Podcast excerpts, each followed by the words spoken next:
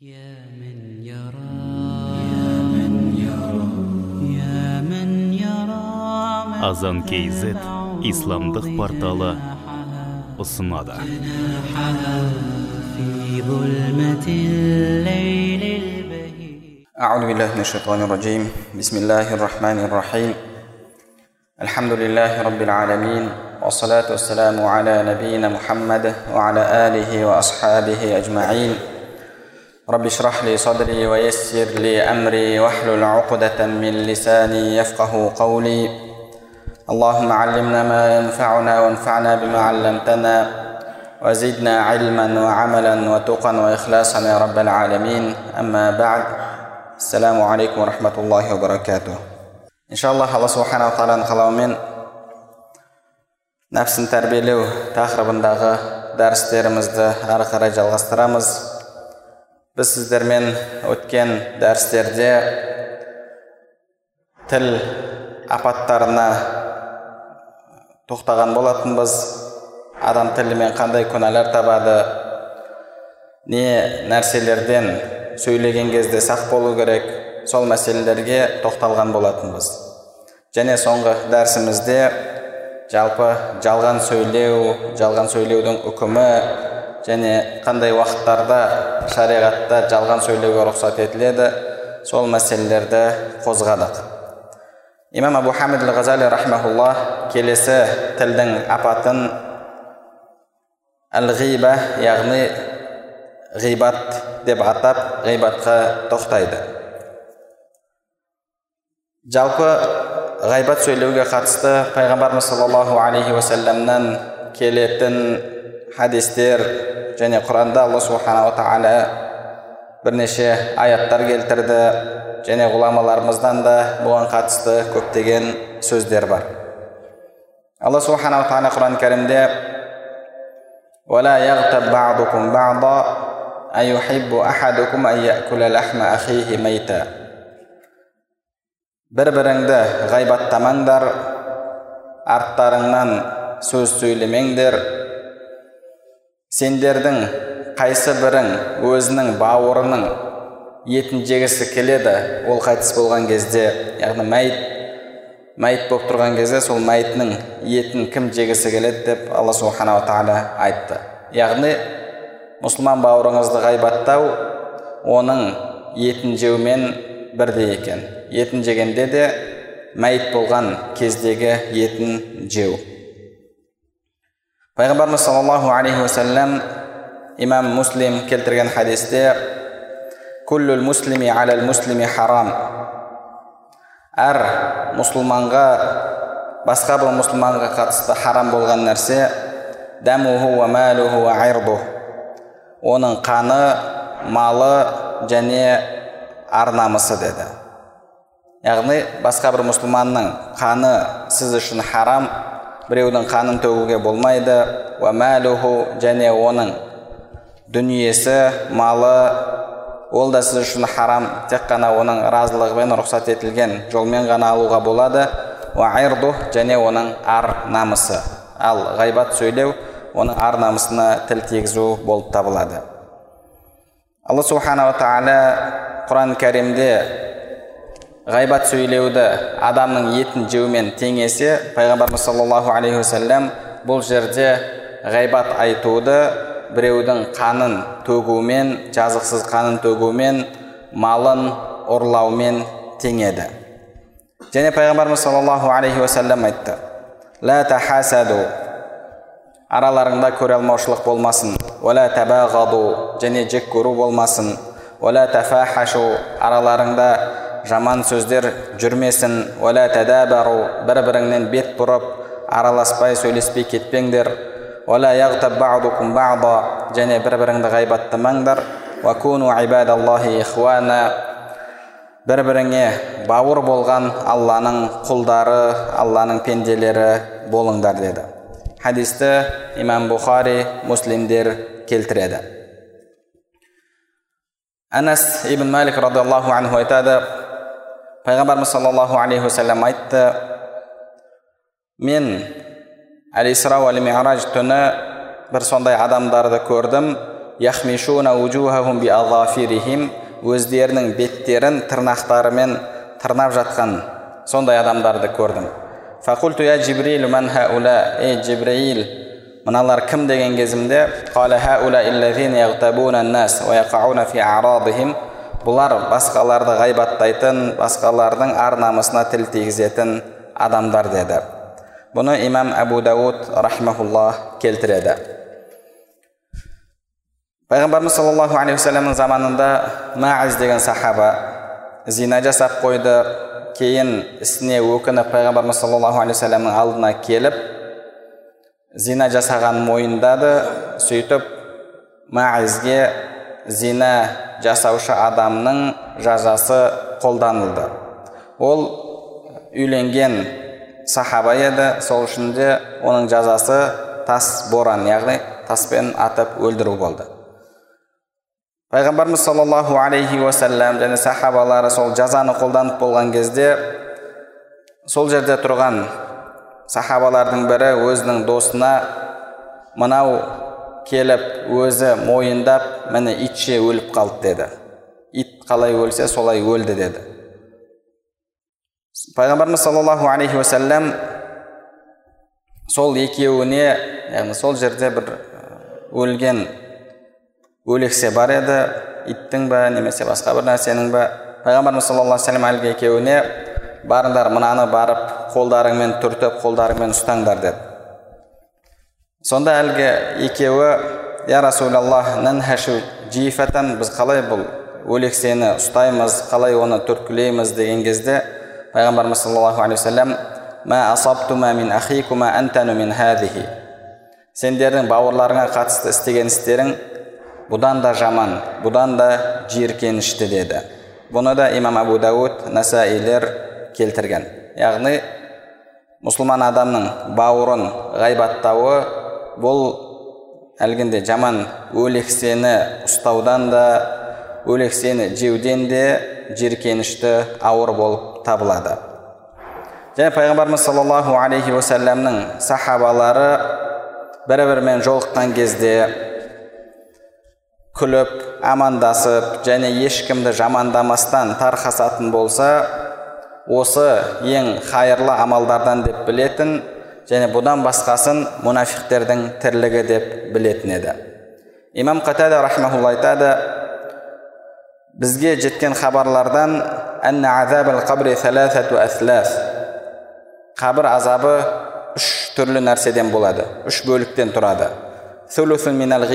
Үштен бірі ғайбаттан намима тағы үштен бірі арада сөз тасудан өсектен және үштен бірі бұл кіші дәреттен тазаланбаудан деді яғни осы үш нәрсе адамның қабірде азапталуына себеп болады деді ибн аббас радиаллаху анхум айтады егер сен бауырыңның айыбын есіңе алғың келсе онда бірінші өзіңнің айыбыңды есіңе ал дейді мәлик ибн динар айтады иса алейхисалам бірде өзінің хауарилермен бірге көшеде кетіп бара жатқан кезде бір өліп жатқан итті көреді.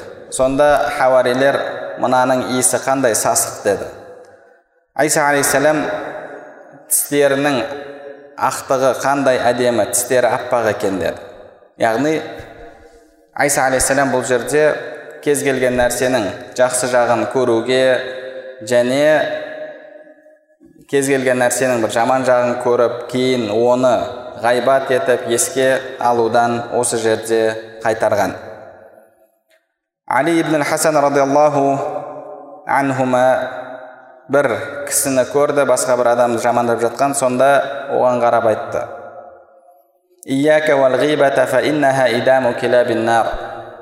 Ғайбаттан сақ бол ғайбат тозақтың иттерінің тамағы деді. Тозақтың иттерінің тамағы. Омар радиаллаху анху айтады алейкум алланы зікір етіңдер алланы еске алыңдар алланы еске алуда шипа бар. Ал адамдарды еске алудан сақ болыңдар адамдарды еске алу бұл дерт деді. Адамдарды еске алу дерт сол үшін де адам әрдайым алла субханала тағаланы еске алуы қажет. Жалпы ғайбат дегеніміз не? Ғайбат дегеніміз не? Ғайбаттың ақиқаты қандай? Имам абу хамид ал ғазали рахмаулла айтады ғайбат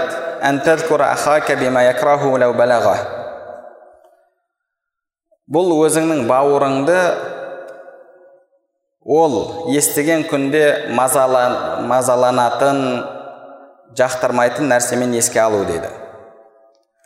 Ол мейлі оның денесінде яғни жаратылысында болсын оның тегінде болсын оның мінез ақлақында болсын оның ісінде сөзінде дүниесінде болсын яғни кез келген нәрседе.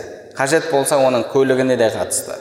Яғни сіздің бауырыңызға сіздің сол сөзіңіз жеткен кезде ол мазаланатын болса сөзіңізді жақтырмайтын болса онда ол ғайбат болып табылады. Жаратылысқа қатысты.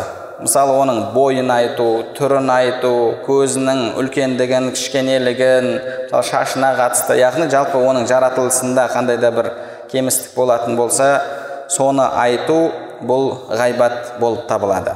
Ал енді оның тегіне қатысты оның тегін жамандау руын жамандау әкесінің қызметін әкесінің кәсібін жамандау немесе анасы жағынан нағашылар жағынан яғни кез келген жағынан ол адамға бір ол адамға қатысты бір кемістік сөз айтатын болсаңыз бұл да ғайбат болып табылады. Мысалы оның әкесі көшеде мусорщик дейтін болсаңыз яғни осындай бір кемісту тұрғысынан мына әкесі мынандай деген секілді бір кәсібі төмен болатын болса соны айтатын болсаңыз ол адамды кемсітіп бұл да ғайбат болып табылады. Оның мінез ақылақына қатысты бұл жаман мінезі нашар деген секілді сөздерді айтатын болсаңыз ә, немесе оның дініне қатысты бұл зекетін уақытында бермейді немесе бұл тағы да басқа да сондай бір көзін сақтамайды тағы да басқа да осындай бір нәрселерді айтатын болсаңыз дініне қатысты бұл да ғайбат болып табылады. Оның мінез ақылақы дүниесіне қатысты яғни мысалы ұйқыбас дейтін болсаңыз ұйқыны жақсы көреді деп кемсіту мағынасында айтатын болсаңыз мынау жаман қорылдайды ұйықтаған кезде деп оның сол кемшілігін айтатын болсаңыз бұл да оны ғайбаттау болып табылады. Және оның киімін де мысалы киіміне қатысты бір арзан киімдерді киеді десеңіз немесе көлігі нашар көлік деген сөздерді айтатын болсаңыз бұл да ғайбат болып табылады. Яғни жалпы сіздің бауырыңызға қатысты қандай да бір сөз ол адамға бауырыңызға жақпайтын болса онда оның барлығы ғайбат болып табылады. Егер бауырыңыз жақпайтын сөзді айтып жатқан кезде сіз рас сөз айтып жатқан болсаңыз бұл ғайбат болып табылады. Ал егер сөзің рас сөзіңіз рас болмайтын болса онда сіз оған жала жауып жатқан адам болып табыласыз. Пайғамбарымыз саллаллаху алейхи уасалам бірде сахабалардан сұрады.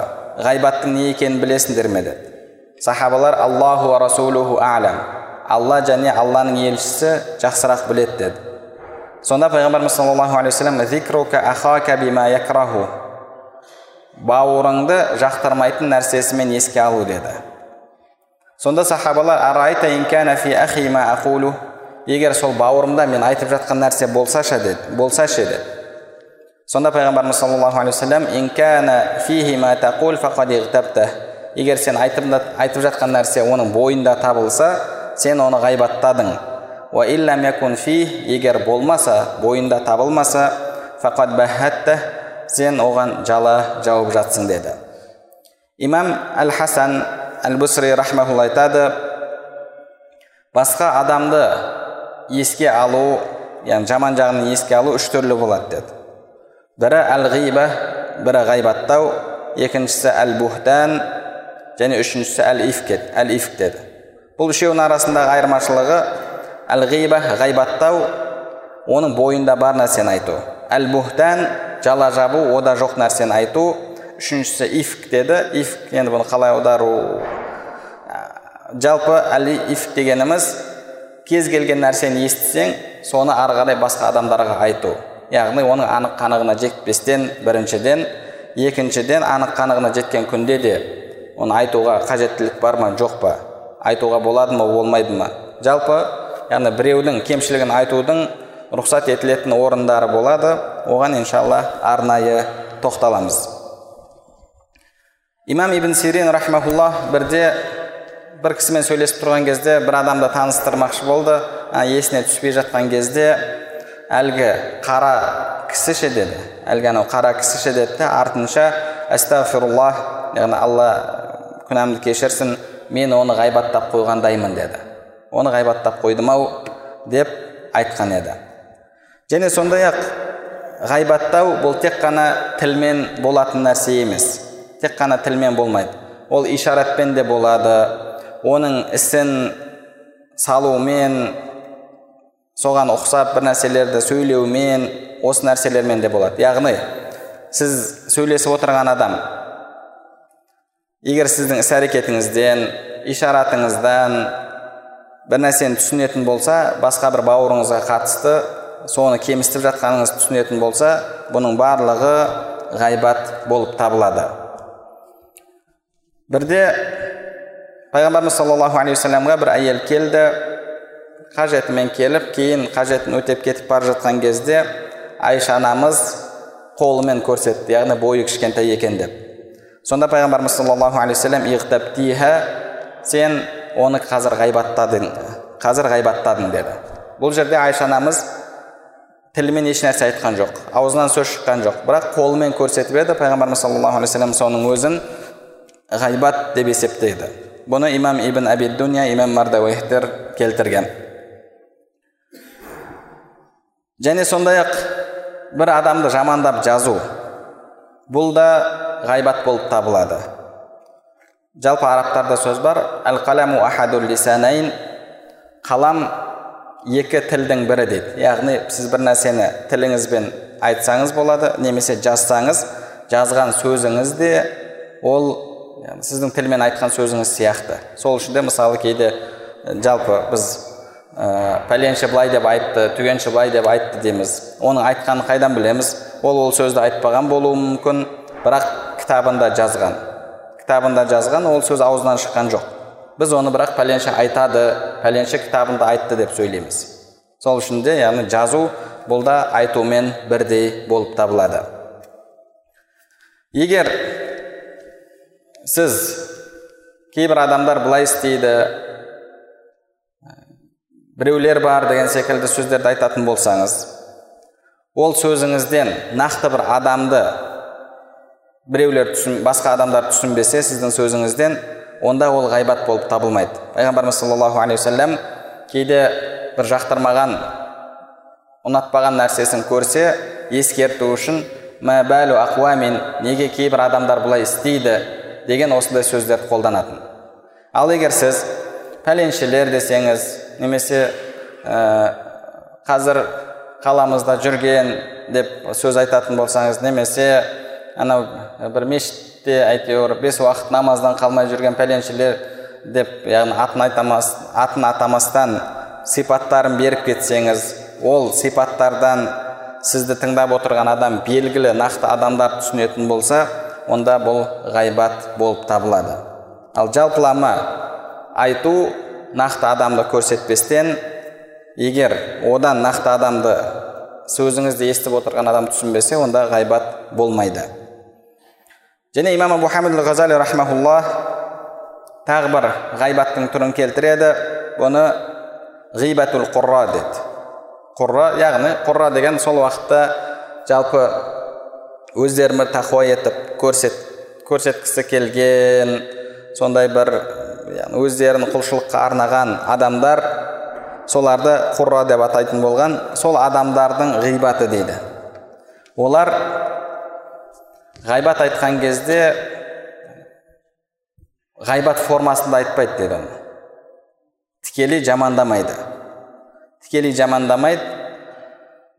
Мысалы алдында бір адам айтылып жатса бір кісі бар әрдайым әкімшілікте жүреді әйтеуір сол әкімдерге кіреді немесе басшыларға кіреді немесе байлардың жанында жүреді деген секілді сөздер айтылып жатса альхамдулилля алла тағала ондай фитнадан бізді сақтады ондай байлардың артынан жүгіруден немесе бағанағы басшылардың қолына жалтақтаудан алла бізді ондай фитнадан дүниенің фитнасынан сақтады. Альхамдулилля деп айтатын болса яғни бұл жерде бұл бір жағынан өзін мақтап жатыр. Өзін мақтап жатыр. Екіншіден рия жасап жатыр. Және үшінші, үшіншіден бұл әлгі адамды ғайбаттап жатыр дейді.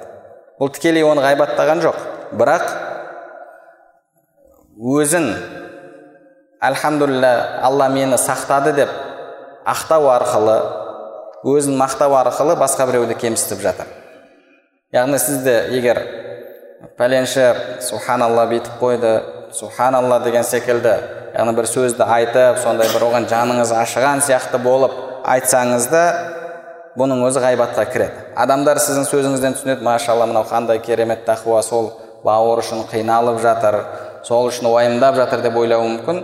Бірақ сіздің бұл істегеніңіз негізінде ғайбат болып табылады. Және мысалы оған тағы да бірнеше мысалдарды келтіреді.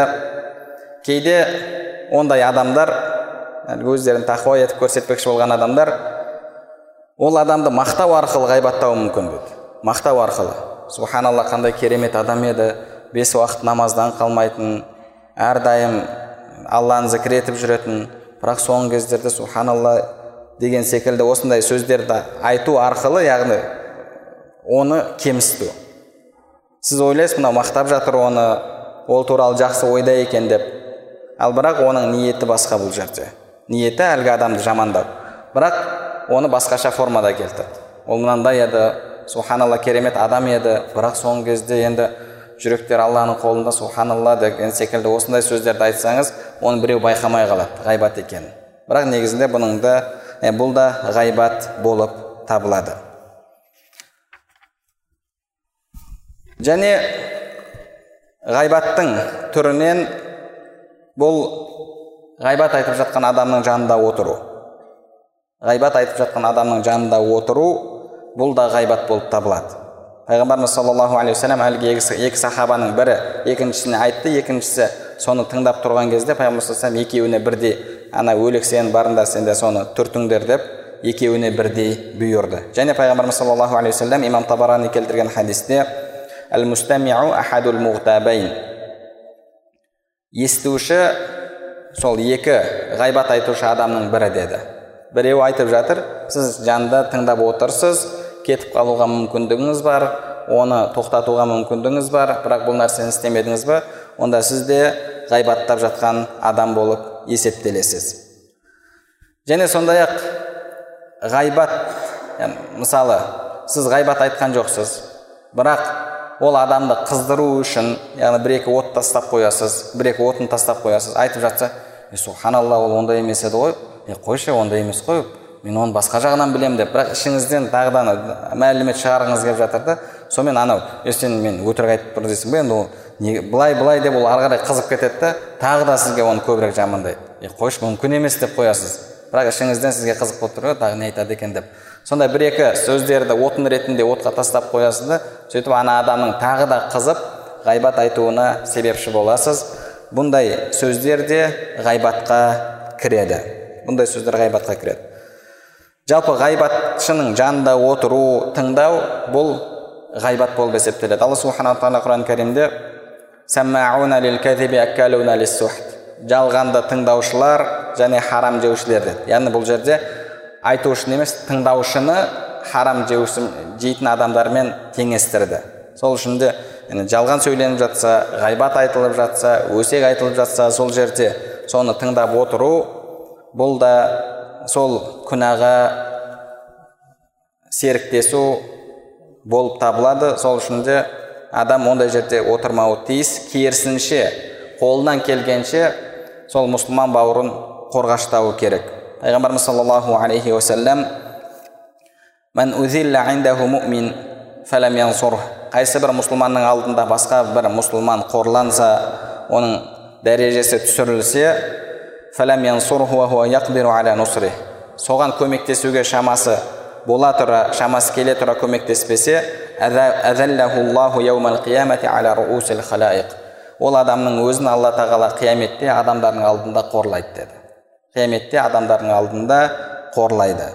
Егер сізде мүмкіндік болып тұрса онда ол бауырыңызды сіз жақтауыңыз керек қолыңыздан келгенше оның ар намысын қорғауыңыз қажет. Хадисті имам ат табарани келтіреді. Және сондай ақ пайғамбарымыз саллаллаху алейхи уасалам тағы да айтады қайсы бір мұсылман өзінің бауырының ар намысын ол жоқ кезде қорғаштайтын болса алла субханала тағала оны тозақ отынан сақтайды оны тозақ отынан босатады. Және алла субханала тағала соны міндетіне алған дейді. Хадисті имам ахмад имам табаранилер келтіреді. Және тағы басқа бір риуаятта ол адамға қалаған қор қызыңды таңда деген таңдау сондай мүмкіндік беріледі деп те риуаяттарда келеді.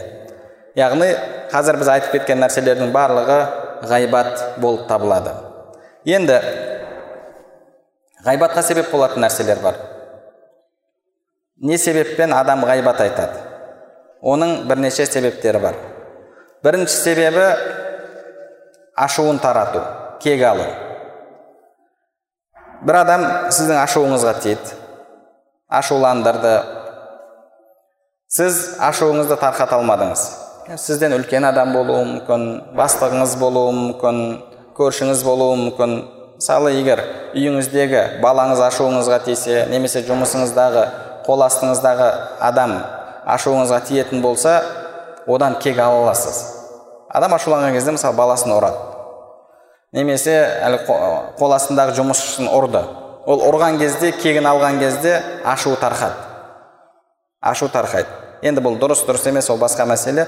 Бірақ жалпы адам ашуланған кезде ә, сол ашуын тарқататын болса онда ол адамда яғни ішінде бір жек көру қалмайды.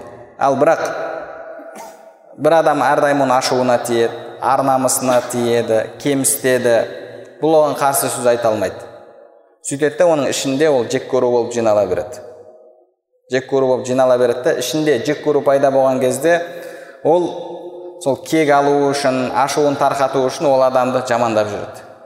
Кез келген жерде ой ол андай ол мынандай ол мынандай деп әрдайым оның кемшілігін айтып жамандап жүреді. Яғни адам кейде ғайбатты кек алу үшін ашуын тарқату үшін айтуы мүмкін. Тағы бір ғайбат айтуға себеп достардың көңіліне қарау. Достары отырып алса адамдардың етін жейді адамдардың үстінен күледі. Сондай әзіл әңгімелер айтады. Бұл оларға қой дейтін болса қойыңдар басқа нәрсе айтайық десе не болды саған? Молда болып кеттің ба че то сенімен отыру скучно болып кетті деген осындай сөздер айтпасын деп солардың көңіліне қарап үндемей отыра береді. Өкінішке орай сондай мұсылмандар бар өзі намаз оқиды бірақ достары бар. Достары бар намаз оқымайды кейде бағанағы столдарында жиындарында арақ тұрады. Солардың көңіліне қарап Э, солардан бөлініп кетуге қиналып сөйтіп олардың жиындарына да барып жиындарында да қатысып отыра береді. Ғайбатына да қатысады олардың арақ ішіп жатқан жеріне де қатысады тағы басқасына да осындай күнәларына қатысады. Жақсы оларды уағыздау үшін достығыңды үзбе. Бірақ арақ ішіп жатқан жеріне бару емес олармен достықты ұстау арақ ішіп жатқан жерінде бірге отыру бұл достық болып табылмайды. Және сондай ақ ғайбаттап жатқан кезде егер сіз олар тоқтата алмасаңыз олар сізді тыңдамайтын болса үстіңізден күліп келемеждейтін болса керісінше сіз сол жерде отырып соларды тыңдап отыруға мәжбүр болатын болсаңыз онда ондай адамдармен қарым қатынасты үзген дұрыс болады. Және тағы бір себеп. Бір адам басшыға барып сіздің бастығыңызға болсын немесе бір адамға барып сізді жамандамақшы. Сіз оны білесіз. Сізбен қарым қатынасы жақсы емес. Ол барып жамандаған кезде сөзі өтпеу үшін сіз барасыз да алдын ала жамандайсыз. Ол андай ол мынандай деген секілді сөздерді айтып яғни біреуді жамандайсыз қандай ниетпен ол мені жамандап қоймасын деп мен және мені жамандаған кезде басшымның немесе басқа адамдардың маған көзқарасы өзгермесін деп алдын алу ниетінде барып ғайбаттайсыз. Бұл да ғайбаттауға себеп болады және сондай ақ адамның өзін ақтау өзін ақтауы.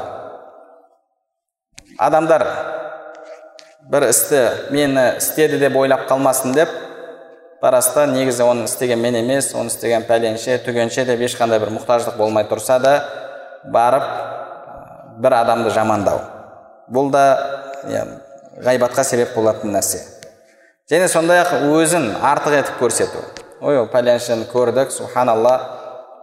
Құранды дұрыс оқи алмайды екен ананы өйте алмайды екен мынаны бүйте алмайды екен білімі таяз екен тағы да басқа да осындай сөздерді айту бұл сөздерді айту арқылы сіз яғни мен ондай емес менің деңгейім одан жоғары оның білімінің нашар екенін мен көріп тұрмын яғни менің білімім одан артық деген секілді осындай сөздерді сіз айтпақшы болып жатсыз бұл да ғайбаттауға себеп болатын нәрселерден ол өзін артық етіп көрсету және сондай ақ ғайбаттауға себеп болатын нәрселерден әл хасад көре алмау көре алмау яғни алдыңғы бағанағы ашуыңызды тарқатуда кек алуда сізге ол адам бір жамандық істеген болуы мүмкін сіздің ашуыңызға тиген болуы мүмкін ақыңызды жеген болуы мүмкін ал бірақ мына жағдайда көре алмауда ол адамнан сізге еш қандай бір жамандық жет, жетпеген болуы мүмкін сіздің досыңыз сізді жақсы көреді құрметтейді бірақ сіз оның жағдайының күн сайын жақсарып бара жатқанын көре алмайсыз.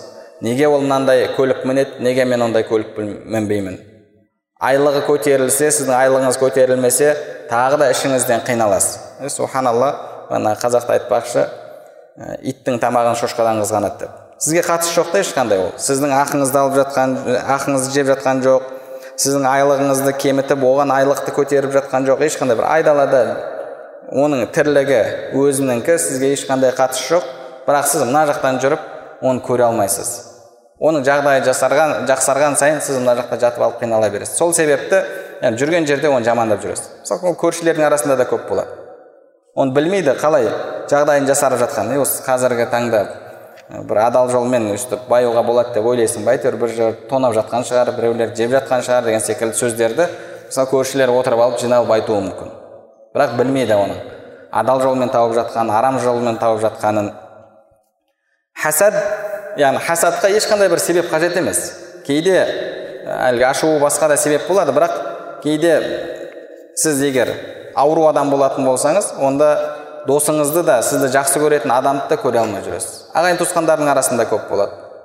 Ағайын туысқандардың арасында. Сәл жағдай жақсарып бара жатса мына жақтан көре алмай ол туралы жаман сөздер айта бастайды. Сол үшін де бір ақынның айтқан сөзі бар жақсы осы хасадқа қатысты.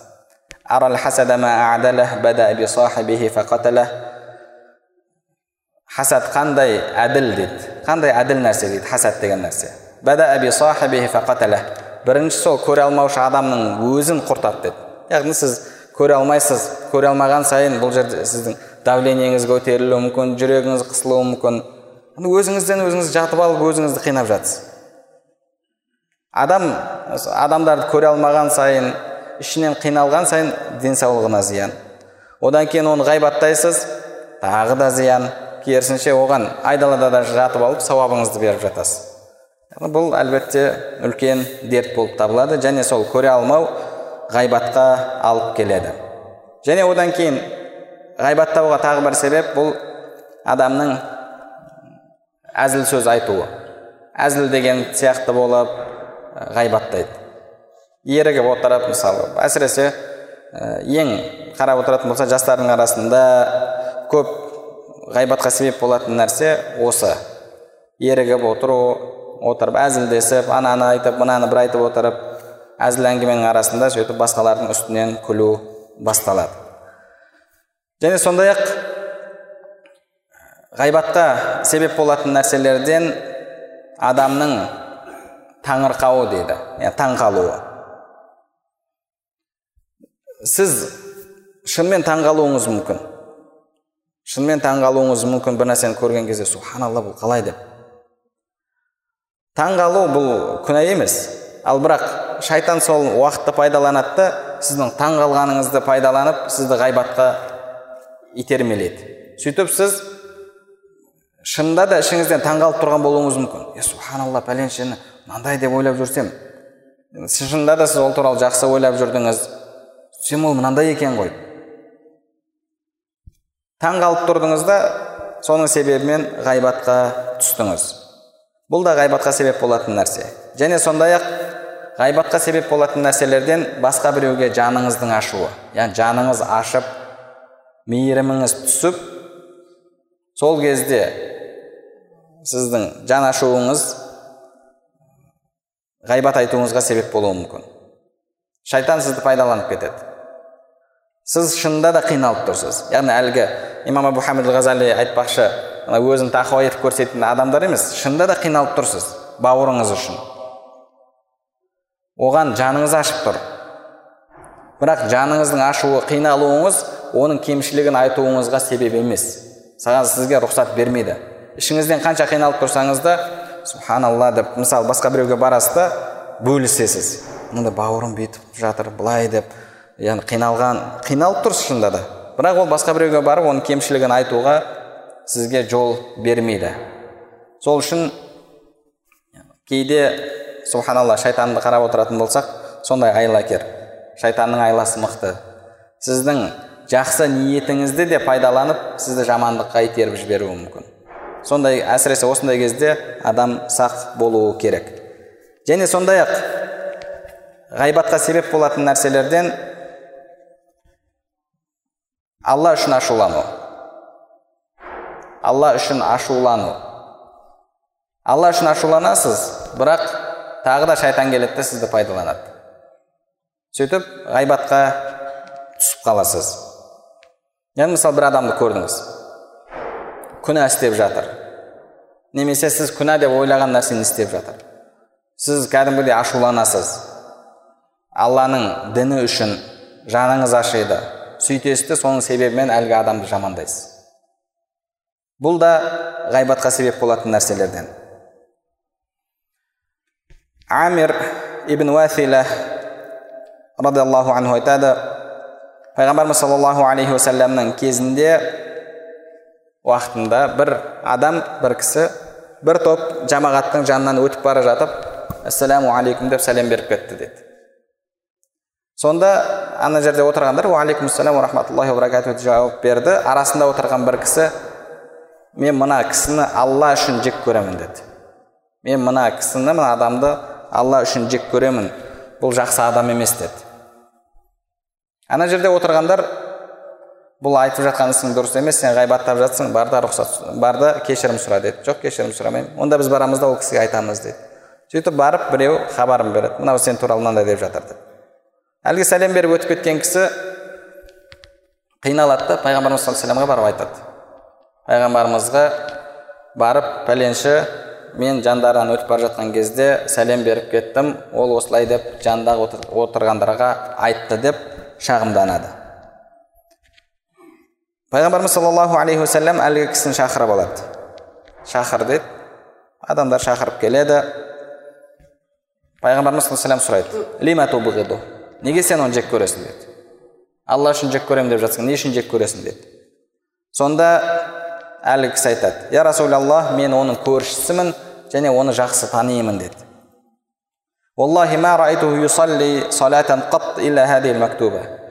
Мен бұның мынау бес уақыт намаздан басқа намаз оқығанын көрген жоқпын деді. Яғни ол уақытта бес уақыттан басқа намаз оқымау бұның өзі бір кемшілік болып тұр олардың түсінігінде солай. Бізде қазір бес уақыт намаз түгел болса альхамдулилля. Оның бес уақыт намаздан артық намаз оқығанын көрген емеспін деді. Сонда әлгі кісі айтады я расулаллах сұрашы одан. Менің намазды кешіктіріп оқығанымды немесе қалай болса солай асығыс оқығанымды немесе дәрет алып жатқан кезде дәретті шала алғанымды немесе рукуды сәжданы тез тез тауықша оқығандай жасағанымды көрді ме? деді көрді ме сұрашы? деді солай сондай істерді көрдің бе? деген кезде жоқ көрген жоқпын дейді әлгі кісі айтады والله ما رأيته يصوم شهرا قط إلا هذا الشهر الذي يصومه البر والفاجر والله мен бұның жақсы да жаман да күнәһар да күнәһар емес те тұтатын оразадан басқа ораза айынан рамазанның оразасынан басқа ораза тұтқанын көрген емеспін деді енді қараңыз айтып жатқан сөзін әл бар фәжір күнәһар да жақсы адам да тұтатын рамазаннан басқасын басқа оразаны тұтқанын көрген емеспін деді ал бізде қазір яғни оразаны тұтса альхамдулилля ол адам қандай біз үшін әулие. Пайғамбарымыз саллаллаху алейхи вассаламға әлгі кісі айтады. Я расулалла сұрашы дейді. Ол рамазанның күні аузым ашық жүргенін көрді ме? Немесе рамазанда ораза тұтып жүріп біреуді ғайбаттағанымды біреудің етін жегенімді көрді ме? деді сол көрдің ба? дейді жоқ көрген жоқпын ары қарай әлгі кісі айтады والله ما ما رأيته يعطي سائلا ولا مسكينا قط وما رأيته ينفق شيئا من ماله في سبيل الله إلى هذه الزكاة التي يؤديها البر والفاجر және тағы да әлгі күнәһар да жақсы адам да барлығы беретін зекеттен басқа артық дүние шығарғанын көрген емеспін бір кедейге бір міскінге көмектесіп жатқанын көрген емеспін тек қана зекетін береді әлгі кісі айтады я расулалла бұдан сұрашы дейді. Мен зекетімді бермей қойдым ба кешіктіріп беріп жатырмын ба немесе зекетімді берген кезде малымның ішіндегі ең жаманын ең арығын бергенімді бір сондай бір жаман іс істегенім көрді ма? деді. Көрдің бе? деген кезде әлгі кісі жоқ көрген жоқпын деді. Сонда пайғамбарымыз саллаллаху тұр бұл сенен қайырлы болуы мүмкін деді. Сен жамандап жатқан адам сенен қайырлы болуы мүмкін тұр мына жерден кет деді хадисті имам ахмад рахмаулла келтірген яғни әлгі адамға қарап отыратын болсақ оның негізі ойы жақсы еді ойы жақсы ішінде бағанағы дінге деген жанашырлық бар жақсылыққа бұйырып жамандықтан қайтару керек деген ішінде сезім мықты болып тұр соның себебімен ол осындай сөздерге барып қойды яғни оның негізгі ішіндегі дінді жақсы көруі дін үшін уайымдауы діннің қамын жеуі дұрыс. Бірақ шайтан соны пайдаланды да ол адамға ғайбат айттырды. Яғни бұл кейде шайтан сіздің жанашырлығыңызды да ә, дінге деген уайым қайғыңызды да пайдаланып сізге ғайбат айттыруы мүмкін. Енді жалпы ғайбаттан қалай құтыламыз және ғайбаттың қандай түрлері рұқсат етіледі?